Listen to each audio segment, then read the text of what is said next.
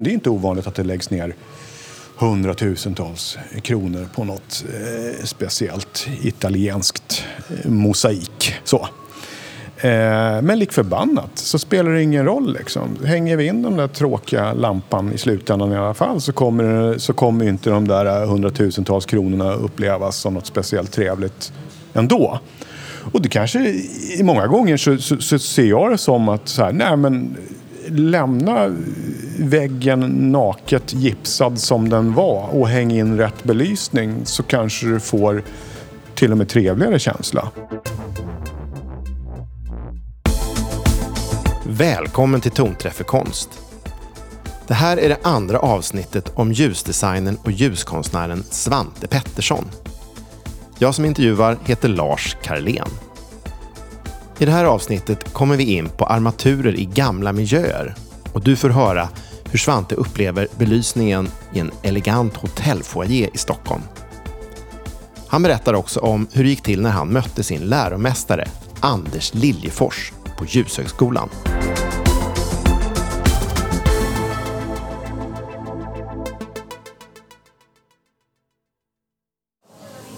Jag ska berätta en grej som jag har verkligen hakat upp mig jättemycket på vad gäller belysning. Mm. Och det, dels för några år sedan så jobbade jag på ett kontor i, i Gamla stan här i Stockholm. Så här, helt fantastiskt tjusigt hus, flera hundra år gammalt. Ja. Eh, så här. Eh, men då var det... Eh, då hade vi satt upp såna här armaturer som var...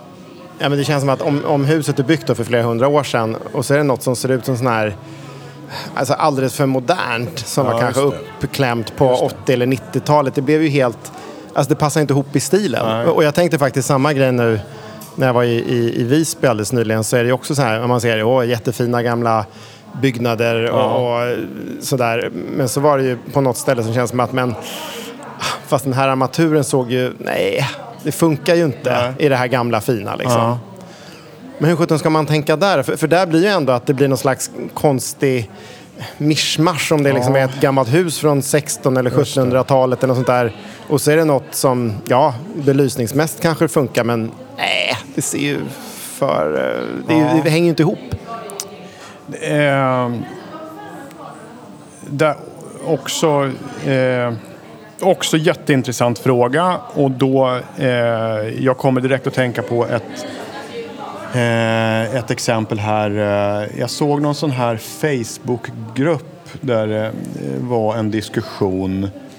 Jag kommer inte ihåg vad den heter, men det, det är, någon, det är någon grupp som syftar till att höja medvetandegraden kring gammal arkitektur och hur man förhåller sig till den när man renoverar och så vidare.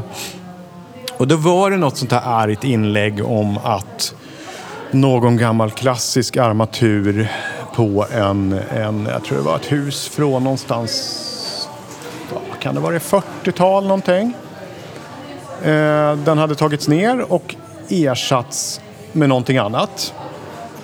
Och det var upprört som tusan i tråden. Eh, och, och, det var bara hur kan man göra på det här sättet? Och så började jag ju titta lite i eh, lite vad det var för armatur som var från början. Och, och, då, och då visade det sig att det var ju faktiskt den här typ globprincipen. Som faktiskt, ehm, ja, återigen skickade ut en stor del av ljusflödet och energin rätt ut i världsrymden. Eh, till ingen nytta. Och kanske också bländade många gånger eh, mer än vad den faktiskt skapade ett bra ljus. Och nu var den ersatt mot eh, en armatur som var väldigt bra avbländad. Eh, I mitt tycke så, så blev det en väldigt fin gestaltning av, av porten.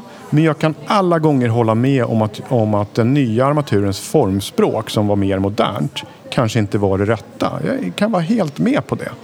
Nej, för det blir lite som att, alltså, det kan ju vara snyggt med gympaskor, ja. men det funkar ju inte till frack. Det, liksom, det, det ser inte, kombinationen nej. är inte, det blir ju fel. Nej, men jag, jag. Ja, nej, men jag är med på det. Eh, men men, men eh, sen kan det också vara så att, att eh, gympaskorna kanske är mer foträta än än vad myggjagarna är och att du får, du får, så, får så här ont och hälsborrar av, eh, av dina gamla platta urgångna eh, myggjagare. Och det finns ingen som kan klacka om dem längre för att det finns ingen skomakare kvar i Ja, fast när du kommer sådär på. Nobelfesten, liksom, det Ja. blir Nej, men det jag- må vara hur jag- foträtat som helst, jag- men det, det ser liksom inte fint ut alltså ihop, jag, fattar liksom. ju, jag fattar ju vad du menar. Det, det, det måste finnas en balans. Men vad, vad, vad jag vill komma är bara så här att... att eh, och, och, och återigen, jag tycker inte att man liksom ska... Har man gamla fina armaturer med, med ett kulturellt värde men herregud, det är väl klart man inte ska, bara ska fimpa dem helt okänsligt. Om man kan hitta en, en balans. Man kanske kan göra så här. Man kanske kan låta dem sitta kvar. Sänk dem i ljusnivå. Låt dem bli ett smycke. Låt inte, va, låt det inte vara de som gör det primära jobbet. Men eh, eh, så här, komplettera med någonting annat som stärker upp. Det kanske är en bra lösning då. Om vi fick till det här bättre, alltså den här kunskapen kring belysning och, och fick till mer av det här må bra-ljuset. Ehm, och verkligen så här, ja, att folk hade det mer i sina hem och butiker och skolor och bibliotek och sånt där. Hur skulle samhället bli då? Vad skulle hända? Det finns ju också kollegor till mig i branschen som skulle kunna svara som ett rinnande vatten på det där. Jag har ju hört flera exempel på att ja, dåligt utformat ljus kan ge upphov till eh, spänningshuvudvärk, eh, dåligt mående i förlängningen och så vidare. Jag tror ju själv på det också. Däremot så, så kanske jag då passar mig för att bara påstå det rakt upp och ner för jag har väl inga riktiga vetenskapliga belägg för det. Men det är väl klart att, att få människor vara i en miljö som de emotionellt trivs bättre i så borde väl det leda till, eh, till någonting bättre också. Det, det finns ju en nyfikenhet på det. Det är ju många som, som frågar mig och säger att alltså, det, är, det är någonting i, eh, med belysningen hemma hos mig som jag inte riktigt eh, trivs med. Jag kan inte säga vad det är, men det är någonting. Och då vill jag nog säga att jag har varit med om några exempel där jag faktiskt har kanske varit med vederbörande. Och så har jag sagt, ja men om du, om du tittar på den här eh, kökslampan till exempel som du har över köksbordet. Så är det faktiskt så att den är utformad si och så. Om den skulle vara utformad på ett lite annorlunda sätt då skulle ljuset lägga sig på ett, på ett annat sätt. Och, och, och eh, bordet och, och vi som satt runt om det skulle uppfattas på, på ett eh, ytterligare annorlunda sätt. Eh, och bara genom att, att eh, inviga den personen i den här diskussionen. Eh, det brukar ge ganska mycket och det är inte sällan som, eh, som folk återkommer till mig och säger så här, du jag, jag provade faktiskt lite det här du pratade om. Jag provade att byta ljuskälla i i eh, min kökslampa. Eller jag provade att hänga den på en, på en annan nivå. Eller jag provade att hänga den... Eller, eller bara byta. Jag, jag hängde kökslampan i hallen och halllampan över köksbordet. Sån grej bara. Det är ganska enkel Ja, ja, ja förändring. men sådana grejer. Ja, precis. Jag provade att göra det utifrån att jag kanske gav något sånt råd. Och bara sådana små grejer kan göra att, att de själva återkommer och säger att de har kommit närmare ett, ett må bra-ljus. Eh, faktiskt. Nej, men det är spännande för jag upplevde en annan grej för några år sedan. Det var ett ställe som skulle eh, rivas. Eh, och vi skulle ha ett evenemang där, eh, få låna. Eh, och, och först när jag var och tittade på dagstid, och det var liksom begagnade möbler, alltså det såg inget kul ut alls. Eh, men sen så, när jag dök upp där senare eh, och det var på, eh, och eh, alltså, vad jag fattade så var det så här teaterbelysning, alltså så här jättefin, eller så här bra grejer de hade för att belysa upp. För det var verkligen så här, men vad mysigt det var. Det där som hade sett ja, men så här, trist och nött och, och ja, rätt deprimerande ut. Med rätt belysning så var det så här, åh, det här, wow, Ja, vad härligt att ja, vara här. Ja. Och, och det är ju... Det kan bli en sån otrolig skillnad. Men det är ju som du säger också att det är så här... Ja, det, är, det är verkligen en sån grej som att det är svårt att sätta fingret på. Men när man väl upplever det så är det ju verkligen en, stark upplevelse. Ja. Av antingen ja, behag eller obehag beroende på hur det är helt enkelt. Och, och där sätter du fingret på en, en ekonomisk fördel att just jobba mer med ljus. För, för eh, alltså, eh, låt oss säga att du ska renovera en lokal. Och så eh, kanske, ja, låt oss säga en, en, en offentlig lokal. Det kan vara museer, restaurang eller vad det nu är. Så här. Nej, men alltså, man, man kan lätt lägga ner, eh, nu, nu, nu raljerar jag lite här, liksom, men, men det är inte ovanligt att det läggs ner hundratusentals kronor på något eh, speciellt italienskt eh, mosaik. Så. Eh, men lik förbannat så spelar det ingen roll. Liksom. Hänger vi in den där tråkiga lampan i slutändan i alla fall så kommer, så kommer inte de där eh, hundratusentals kronorna upplevas som något speciellt trevligt ändå. Och det kanske, många gånger så, så, så ser jag det som att så här, nej men lämna väggen naket gipsad som den var och häng in rätt belysning så kanske du får till och med trevligare känsla. Nej men så var det i den lokalen jag pratade om. Mm. Där var det verkligen, där var det ju bara belysningen Ja, som ändå förtrollade om Ja, det hela. ja. Helt och hållet. Men jag funderar på det här, för jag har ju försökt flera gånger att vi skulle göra intervjun hemma hos dig. Men varför, varför vill du inte det då? Ja, det, eh, det är väl flera dimensioner i det där. Jag skulle nog bli väldigt stressad innan. Eh, herregud, då måste det ju vara... Så här, en grej. Fan, ska jag vara ärlig, då måste jag ju leva upp till allt jag pratar om på något vis. Varför då? Lite så. Ja men herregud, jag är ute och pratar om hur det ska vara och på något sätt så måste jag ju Eh, och, det, och hemma hos mig, det, kan väl vara lite skomakarens barn och så är det ju någon form av experimentverkstad. Jag, det är ju där jag provar mig fram många gånger. Jag kanske inte gör det lika mycket nu för tiden men jag gjorde det väldigt mycket förr om åren. Eh, lite det, men sen har det väl, det kan, det, jag tror att främst är det nog en, integ, en integritetsgrej. Så, eh, jag, en gång i tiden så eh, figurerade jag en del i inredningsmedia och så och då fick jag de här frågorna ofta.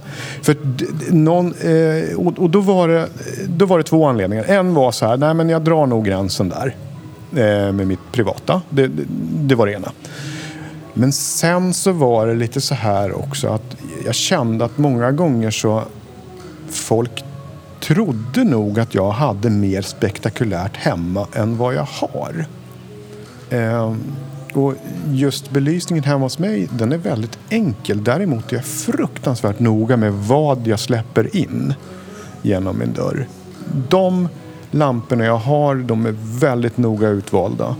Och jag har ofta gjort modifieringar på dem. Eh, och sen provat ut med exakt rätt ljuskälla så att, så att, så att det känns bra.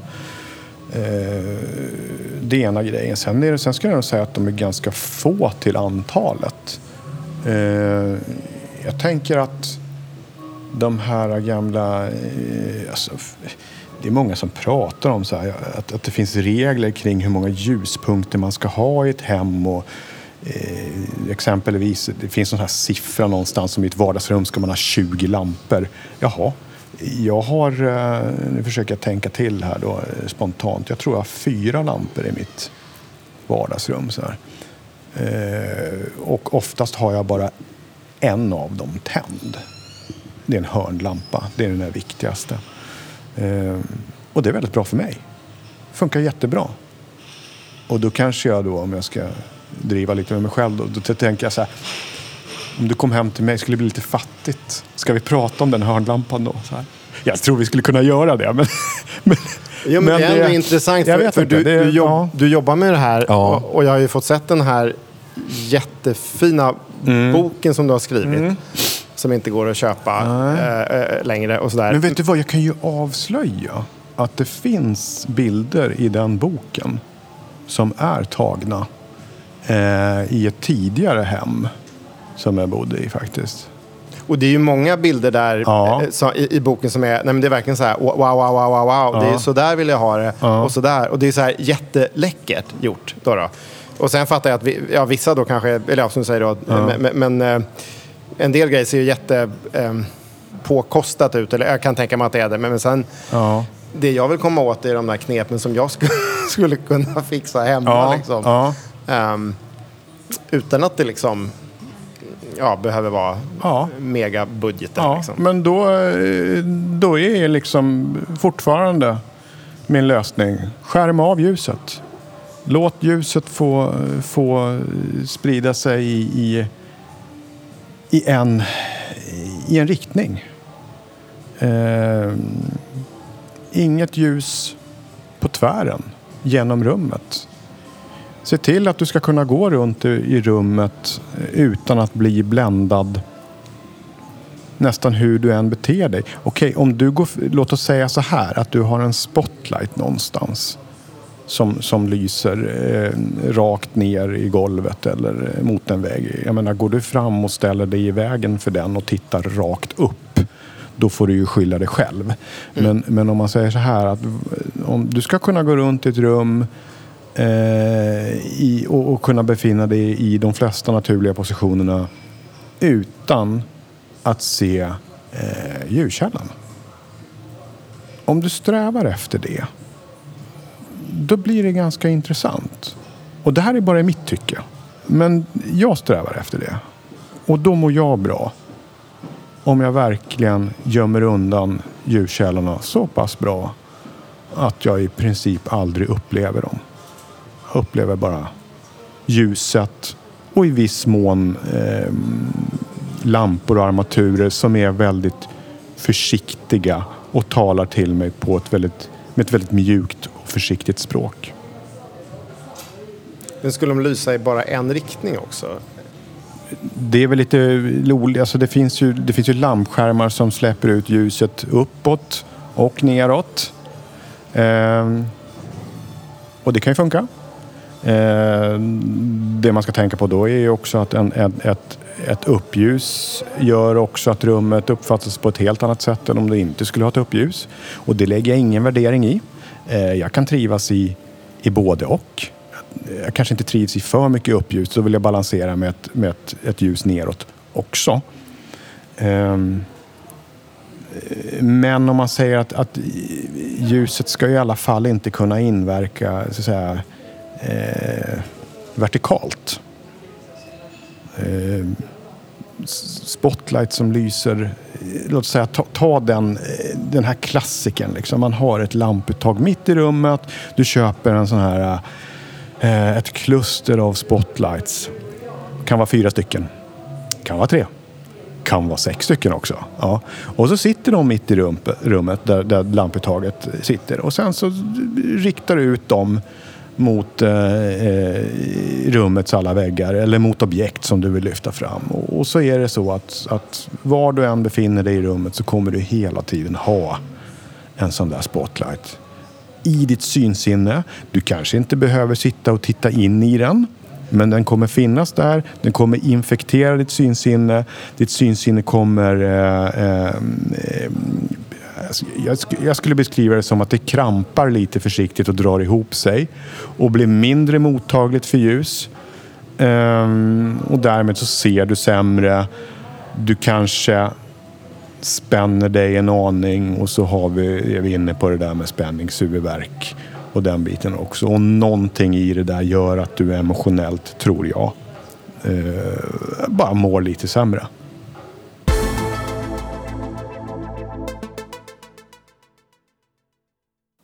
Och Svante gav några fler tips för att komma igång för att skapa må bra-ljus hemma. det, det gäller att förstå vilka rum man tycker om själv.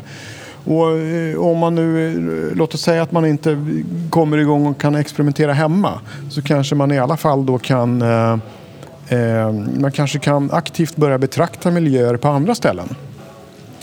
Eh, det kan vara, eh, herregud, kafémiljöer på stan eller eh, hotellobbys kan vara intressant att studera. Ta eh, Alltså varför inte? Eh, välj ut tre olika hotellobbys. Eh, försök tänka ut vilken du gillar bäst bara sådär upplevelsemässigt. Och sen kolla liksom, ja, hur har de gjort där då? Vad är det för typ av armaturer? Ja. Är det någonting jag skulle kunna... Finns det någon typ av armatur och, och eh, eh, någonting i ljustänket som de har använt där som jag skulle kunna eh, använda mig av, av hemma? Så en grej som jag såg också, jag vet inte om det är något, det, jag tror det kallas för raggarslang. Ja. finns, det finns, eh, jo då, pizzasnöre är också annat bra uttryck. Okej, ja. det är två fina ord. Men hur som helst så har jag sett en del bilder som då jag tyckte var rätt häftiga. När de har eh, alltså typ stoppat dem där någonstans i något rum. Eh, och man inte ser eh, pizzasnöret eller Ja, precis. Men så att det blir som att det kommer ljus Ja, från ja. någonstans. Men att, vad, vad, vad tror du om det då? Ja. Det, jag är förespråkare för att experimentera med raggarslang alla gånger. Jag tycker det, är, det tycker jag är kul. Eh, faktiskt det här att gömma undan ljus på olika sätt bakom eh, skärmar och så vidare. Och jag, alltså, flera projekt som jag har gjort både i offentlig miljö och i hemmiljö eh, där man kanske vill eh, belysa en vägg eller man vill, eh, man vill belysa en stuckatur i taket eller någonting. Då kan det vara så att man bygger någon liten, någon liten hylla eh, med en avskärmning. Och, och bakom den avskärmningen så placerar man någon form av sån här ja, LED-list. Eh, och egentligen, alltså vad, vad det är för typ av, av list det spelar inte alltid så himla stor roll. Det är klart om det är, om det är till för en offentlig miljö så ska det ju, ha då ska det ju hålla. Eh, man kan inte springa och byta ut den där jämt. Men, men som privatperson kan man nog... Eh, det går att experimentera med, med saker från eh, ja, alla möjliga varuhus. Eh, sen kanske jag tycker att man ska försöka hitta någon som har ett... Eh, sträva efter att hitta någonting som har ett lite varmare och trevligare ljus. För de, de tenderar ofta till att bli lite så här halv, halvkalla. Men på senare år har de... Eh, det, det finns trevligare varmt ljus att få tag på. Och då tycker jag att resultatet brukar bli ganska bra. Bara man är noga med att gömma undan slangen. Den ska inte titta fram. För så fort den tittar fram och så fort du kan se den Eh, i någon vinkel i rummet. Då är det som att eh, hela upplevelsen kraschar. Magin försvinner. Du tänker, ah, kolla där är ju pizzasnöret. Och då eh, alltså den här känslan av att det fanns ett ljus som bara var där och glödde. Det, det går helt förlorat. Eh, var noga med det. Och, eh, och studera, och- alltså titta gärna på miljöer där man har eh, använt den principen. Man kan se jättemånga olika exempel det, och det är inte sällan man ser hur den där eh, kolla i hotellreceptioner eller i barer. Eh, det är inte sällan man ser hur den där slangen har börjat säcka lite och hänger ner. Och så fort den hänger ner, ja, då känns det ganska billigt. Håller den sig på plats och du upplever bara ljuset, ja, då kan det kännas riktigt genomtänkt faktiskt. Ja, det kan ju kännas exklusivt till och Ja, med. till och med. Anders Liljefors, hur kan du beskriva lite hur ni, ja, hur du kom i kontakt med honom? Ja. Eh, om man säger att jag, jag beskriver en, om, om jag beskriver en, en eh, situation här. Jag sitter i, år, jag tror året är 2000, 2000. Jag sitter i Ljushögskolans lokaler. Eh, troligtvis i något, någon föreläsningssal. Eh, vi är ett gäng studenter. Säg att vi är tio stycken. Framför oss så står då en herre som eh, är entusiastisk, beskriver, eh, berättar, eh, visar diabilder på allt ifrån så här, japanska köksingångar till, till eh, eh alltså italienska eh, bakgårdar. Eh, han är fruktansvärt entusiastisk. Pekar på små obetydliga detaljer i de här situationerna som jag aldrig har liksom funderat på förut. Jag, jag har svårt att ta mig till det han säger. Jag fattar ungefär hälften. Men jag känner i hela min maggrop att det han pratar om och det han förmedlar är så himla rätt. Eh, och det var samtidigt som, som han är en sån... Eh, alltså det är lite så här Gösta Ekman-känsla över honom. Han är, han är ju rolig. Eh, han, han, eh, eh, han är inte rädd för att göra bort sig. Han, eh, eh, det är väldigt lite prestige. Eh, och eh, om man också får eh, eh, får man, får man träffa honom på tu man hand så är det så här, det, det, det, det, det är fantastiskt för han, han får ju en att bli glad och sedd, eh, tycker jag. Men det var så det började. Eh, Ljushögskolan och då var han professor där. Och eh, det han förmedlade det var liksom, för mig var det, ja men shit, det här är ju liksom, det han säger stämmer ju. Det stämmer. Eh, Nej, det var ju uppenbart när jag intervjuade honom att han, han, eh, han tycker att du har, du har förvaltat det som han har lärt ut mycket väl. Ja, det, jo, jag har hört det där. Det, jag blir jätteglad av att höra det. Och man kan, sen kan man väl säga så här att det jag har gjort i min egen undervisning sen då, eh, med de studenterna som jag har mött och framförallt med den eh, boken som jag har skrivit. Eh, See the Light heter den boken. Eh, skrev tillsammans med Johanna Enger som var redaktör för den då. Eh, det är ju faktiskt att förvalta det han har förmedlat eh, fast jag har försökt att beskriva det på ett kanske lite mer tillgängligt sätt i, alltså i den moderna tiden. Eh, med tillhörande bilder. Det kanske är så att jag menar de här Även om jag gick igång på, på italienska bakgårdar och, och japanska köksingångar eh, så är det så att eh, det är inte alla som har den tiden att, att liksom sätta sig ner och förstå eh, de situationerna. Ibland måste man visa bilder eh, som faktiskt tydligt visar vad man menar och också kopplat till modern ljusgestaltning. Alltså, eftersom jag är väldigt min... intresserad av Japan så måste jag undra, vad, japanska köksingångar, vad, vad, är det som är speciellt med dem då? Ja, det kan jag faktiskt inte säga. Italienska bakgårdar? Ja, det, det låter ju också trevligt. Det, jag kan inte heller säga det, för jag har knappt varit i Italien. Åh, det där är roligt, Italien. Eh, får, får, jag, får jag komma med en parentes? Jag trodde under många år att eh, så här, för alla för, när vi gick på Ljushögskolan, alla föreläsningar jag var på, då var det så här, nästan alla började med att visa en, en bild på mm, Pantheon. Eh, Rom liksom så här. För det var det ultimata stället. Liksom. Och, då, och då trodde jag någonstans att man kan inte vara en riktig ljusdesigner om man inte var i Italien. Det var liksom det. Så att under flera... Och nu är, jag erkänner det här och nu i din podd. Under flera år när jag fick frågan om jag hade varit i Italien så hummade jag med försiktigt. Och du sa, ljög och alltså? ja, jag sa nog inte som det var. Eh, men vad jag vill säga är att jag, jag, eh, jag upptäckte faktiskt ganska snabbt att du behöver, du behöver inte åka till Italien för att lära dig förstå ljus. Alltså knalla ut på din egen bakgård. Du kan lära dig jättemycket där. Och sen går du bort till grannarnas bakgård och kollar hur de har det. Och så fortsätter du sådär. Otroligt mycket kan du lära dig. Det finns mm. ingen anledning att hålla på eh, och göra det krångligt.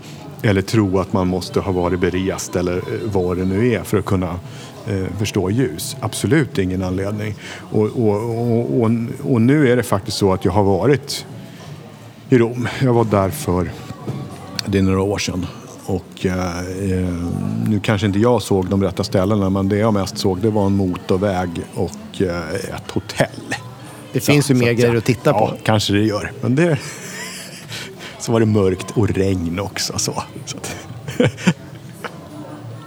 Något annat som är viktigt att förmedla så vi får till det här med bättre ljus i världen? Ja, eh, då kan jag tycka att kanske våga våga rucka lite på eh, invanda strukturer när det gäller till exempel eh, processen att skapa belysning. Eh, det kan ofta vara väldigt svårt att få till ett, ett, ett mänskligt ljus. Ett ljus som passar människor helt enkelt. Eh, i, I större projekt.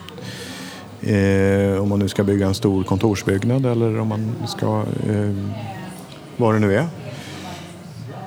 Så ska man ofta följa en process där man eh, man måste säkra upp för så himla mycket. Man måste vara helt säker på att det inte blir mörkt någonstans för att då kan man bli stämd. Eh, nu kanske jag överdriver lite här, men det är lite så det är. Och då, då får många i min sits kalla fötter. Eh, och gör så att nej, men då projekterar vi in lika mycket ljus överallt. Som en gympasal ungefär. Så, så får det vara så. Eh, så kan ingen bli eh, stämd och, men å andra sidan heller, heller så kan ju ingen, tänker jag, må riktigt bra i de miljöerna. Det blir lite halvdåligt. Det blir, ja, det blir det. Halvdåligt, jag skulle säga dåligt. Eh, sen finns det absolut de som tycker att det är helt okej okay också att ha det så. Men jag tror att om vi, ska, om vi ska komma någon vart så måste vi rucka lite på den processen och vi kanske ska egentligen jag gör så mer och mer i mina, mina större projekt att jag, eh, jag försöker få eh, de övriga i projektet att förstå att vi kan egentligen inte två år innan huset är på plats säga exakt vad vi ska ha eh, för, för belysningslösning. Men om, om, vi, om vi kan säkra upp eh, att vi behöver ungefär så här och så här mycket eh, belysningsmaterial Eh, i form av spotlights eh, eller vad det nu är. Så, så kan man faktiskt göra så att, att den dagen när huset finns på plats då kan man fysiskt gå in och faktiskt börja eh, känna och peka att där, där och där ska vi ha ljus. Eh, på det stället ska vi ha ett sånt ljus. På det stället ska vi ha ett lite mer annat ljus. Och eh, att göra det här tillsammans med en elektriker eh, i ett slutskede när man färdigställer ett hus. Eh, att liksom låta gestaltningsprocessen få ske då. Det ger, alltså, i min upplevelse är att det ger så mycket, ofta så mycket bättre resultat än att jag sitter tre år i förväg och pluttar ut lampor på en ritning lämnar ifrån mig en ritning som jag aldrig mer ser igen förrän det står ett färdigt hus där och de där lamporna sitter exakt där jag pluttade in dem. Bara det att den miljön som har växt fram eh, ja, under den här ritningen då i det huset den förhåller sig inte alls till det ljuset som, som vi ritade in en gång. Då är det väl klart det blir fel. Eller fel, men det blir inte så himla bra. Så kan man, om man på något sätt kan skjuta på den, på den tiden som man lägger ner initialt. Om man kan skjuta, alltså ta en del av den tiden Eh, och faktiskt flytta över till slutskedet. När ett hus färdigställs. Och man liksom kan, det, det är ett hantverk. Om man kan få låta eh, ljusdesign vara ett hantverk. Om man kan låta ljusdesignen få känna in i slutskedet. Ja, men då tror jag att det kan bli bättre.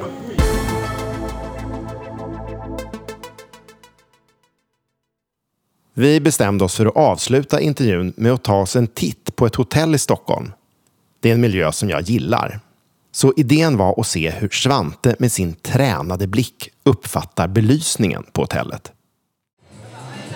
Så, så ja, men nu har vi klivit in på ett hotell här som, eh, eh nej, men som jag spontant tycker är en trevlig miljö. Här. Så vi ska kika runt lite och inte minst på belysningen. Då, då. Är det något spontant som du kommer att tänka, känna? Alltså, det, det känns ju trendigt här nu. Det, det är ju det är fredag, eh, folk har gått från jobbet och det är här man hänger, ser jag. Eh, men spontant ljusmässigt så jag tycker nog här har man försökt hitta en balans mellan det jag pratade om tidigare. Armaturer som utmärker sig själva och armaturer som är dolda och istället ska göra ett bra jobb med att belysa miljön. Eh, Vilken tycker du, kan du ge exempel på någon du tycker utmärker sig? Är det den här stora som vi ser precis över oss eller? Ja, vi står ju under en gigantisk gyllene krona. Som, eh, och, det, och det är lite svårt att helt säga eh, någonting om ljusmiljön just nu. Vi har mycket, ganska mycket infallande dagsljus fortfarande. Eh, men just nu tycker jag den känns, ja, men den känns balanserad i förhållande till hur den övriga miljön är ljussatt. Alltså den, den tar inte över. Den är, eh, den är där, den är ganska störig. Eh, men den är inte jobbig. Samtidigt som vi har en mängd infällda spotlights i taket. Faktiskt väldigt bra bländade. De är, de är så här försänkta, eller man ska säga förhöjda i taket kan man säga. Och så en svart kant eh, runt omkring ljusöppningen så att eh, eh, själva öppningen inte blir ögonfallande. Och det här ljuset, ja det är jag ska inte säga att det är väldigt smalstråligt men det når ner till golvet ganska bra. Det är högt i tak, det är en eh, fem meter ungefär. Eh, väl på golvet så accentuerar det en, en intensivt, eh, ganska vinröd, mättat vinröd matta. Som liksom eh, reflekterar ljuset tillbaka och fyller rummet med en värme. Vi har även en hel del mässingsdetaljer, ett stort mässingsbord här under också som svarar på ljuset. Också skänker en värme till miljön. Jag, ty- jag tycker det är ett väldigt fint exempel på eh, när, när, när ljuset landar på en yta och ytan svarar tillbaka och liksom fyller rummet med en, en väldigt fin karaktär. Ska vi ta och kika här en, lite uppåt då om vi kollar? Men det här med såna här, in, eh, såna här spottar i taket, vad säger man, infällda, är inte det bara någon sån här fjantig trendgrej? Ja, det var, du menar så att det var ballt på 80-talet? Ja, eller typ för fem år sedan eller ja, kanske nu också. Men, nej, men jag vet inte. Jag, nej, jag, jag vet inte. Va, va, jag, Jo, jag nej, jag gillar inte infällda spottar. Jag tycker det är en jättebra fråga. Eh, generellt, eh, alltså historiskt sett så har det varit ganska så, men vi kör lite infällda spottar. Eh, för att man tycker det är ballt. Men rätt använt, rätt placerat. Så varför inte? Däremot för, alltså, föredrar jag mer och mer att ha utanpåliggande eh, armaturer som jag liksom kan flytta på om jag skulle känna för det. Du, jag noterar en annan grej här. Ser att vi, för vi står ju nu på, i, i entréplan. Och så har vi en, en halvtrappa upp här till ett, något, någon form av mellanplan. Ser att det står en soffa där uppe? Ja, Ser du vad vi ser under soffan? Jo, men det är fint. Det lyser under soffan. Ja, men vad är det för något då? Eh, Kan det vara raggarslang? Det kan vara en raggarslang. Vi kollar. Vi, vi kollar. Nej, men jag tycker annars spontant att det, det känns ju både klassiskt men ändå... eh, Alltså jag tycker det är mysigt. Alltså fast snofsigt mysigt på något sätt. Hela stället. Ja, nu får vi kolla här vad, vad det är för något under soffan.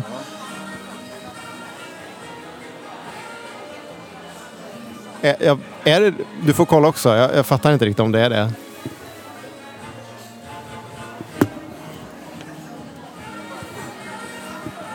Jag skulle, alltså oavsett vad det är, det är någon form av list. Men jag skulle definiera det som, som, som eh, ja det är ju en typ av raggarslang det också. Grejen är bara det att när, när eh, listen blir synlig och det som skedde nu, att vi stod Eh, vi stod i lokalen och vi upplevde den här eh, soffan då som är ljussatt Eh, under. Eh, men vi ser, den, vi ser alltså undersidan av soffan från en viss del i, i lokalen. Och när man ser då den ljusgivaren, då är det som att magin tappas. Jag tycker att så här, ja, men, den grejen kan vara bra att tänka igenom. Jag ska inte säga att jag alltid har lyckats med det själv. Men jag, jag tycker man kan vara noga med det. Ska man eh, installera någonting gömt under någon möbel för att det inte ska synas. Eh, se till att den är gömd ur alla eh, betraktelsevinklar. Så här har vi hittat ett litet misstag i den här eh, tjusiga miljön vad gäller ljussättningen i varje fall.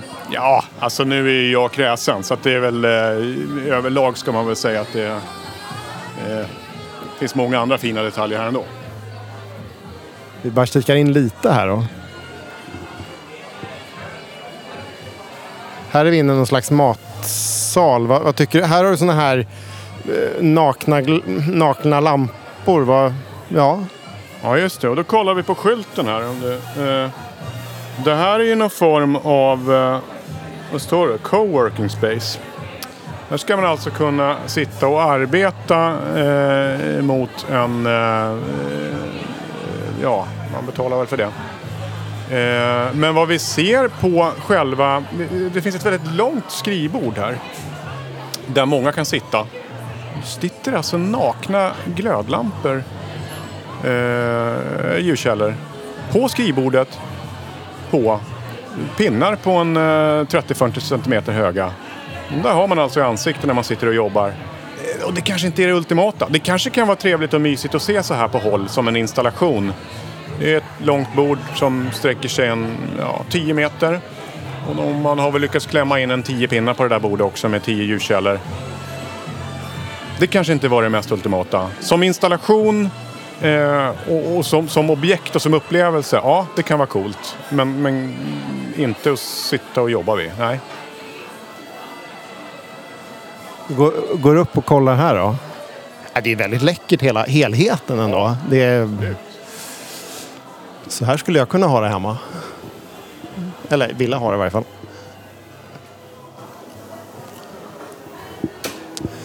Ja, nu var vi en trappa upp här.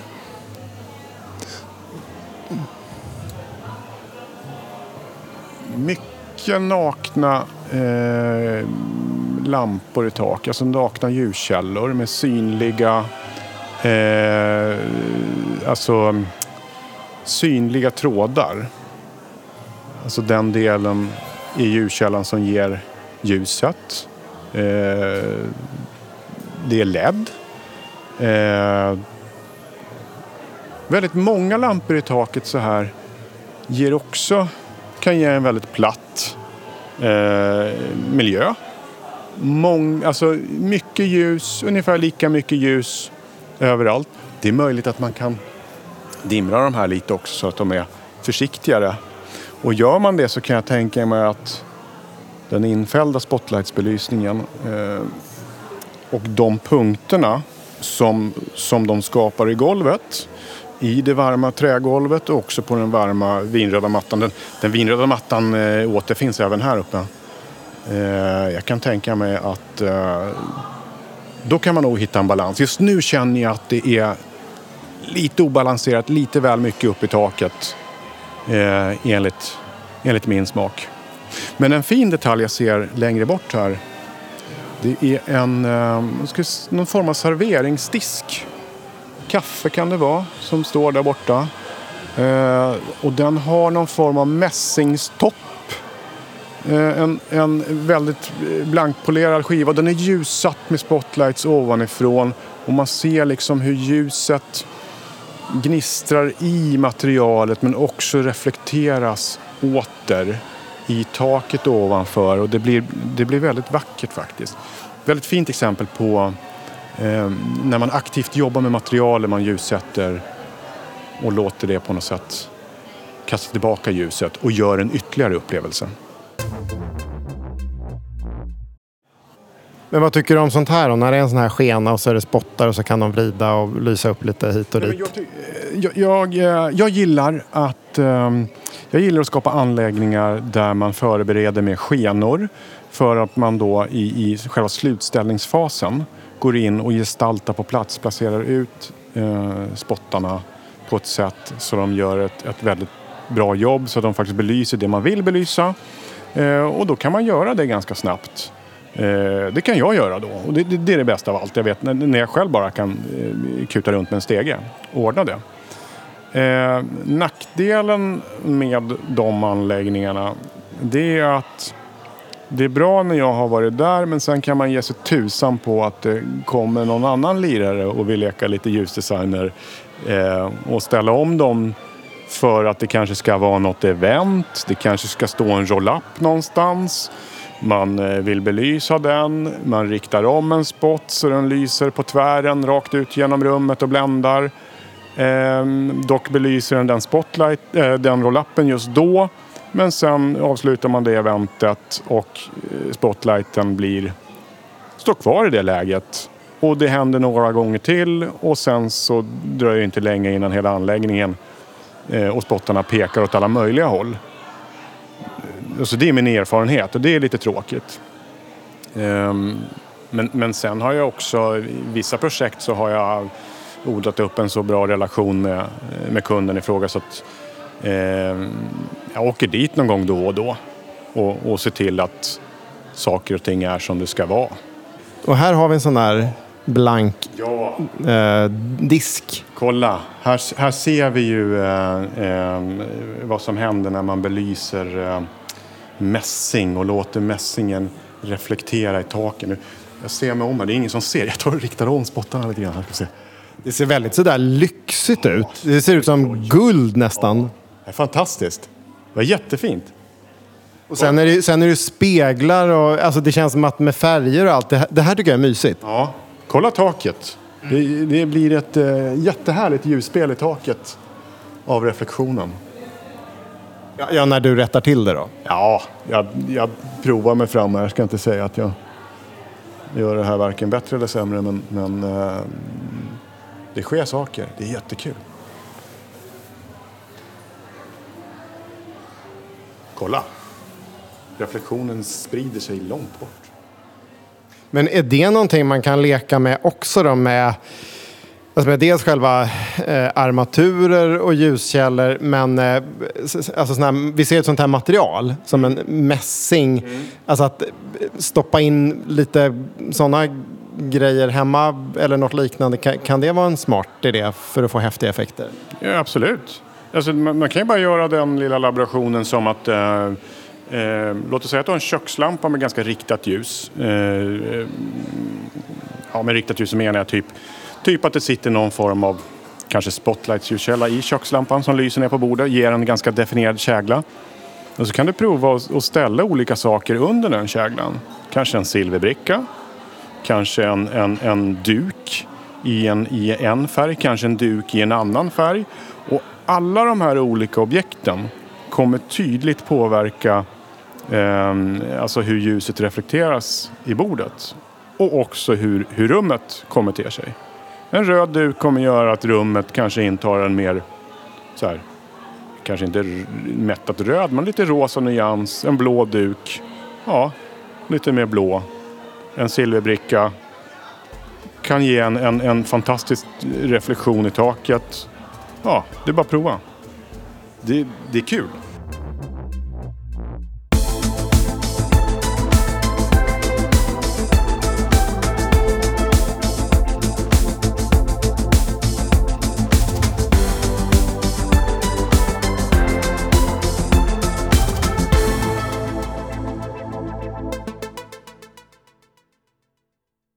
Tonträff för konst är producerad av produktionsbolaget Tonträff.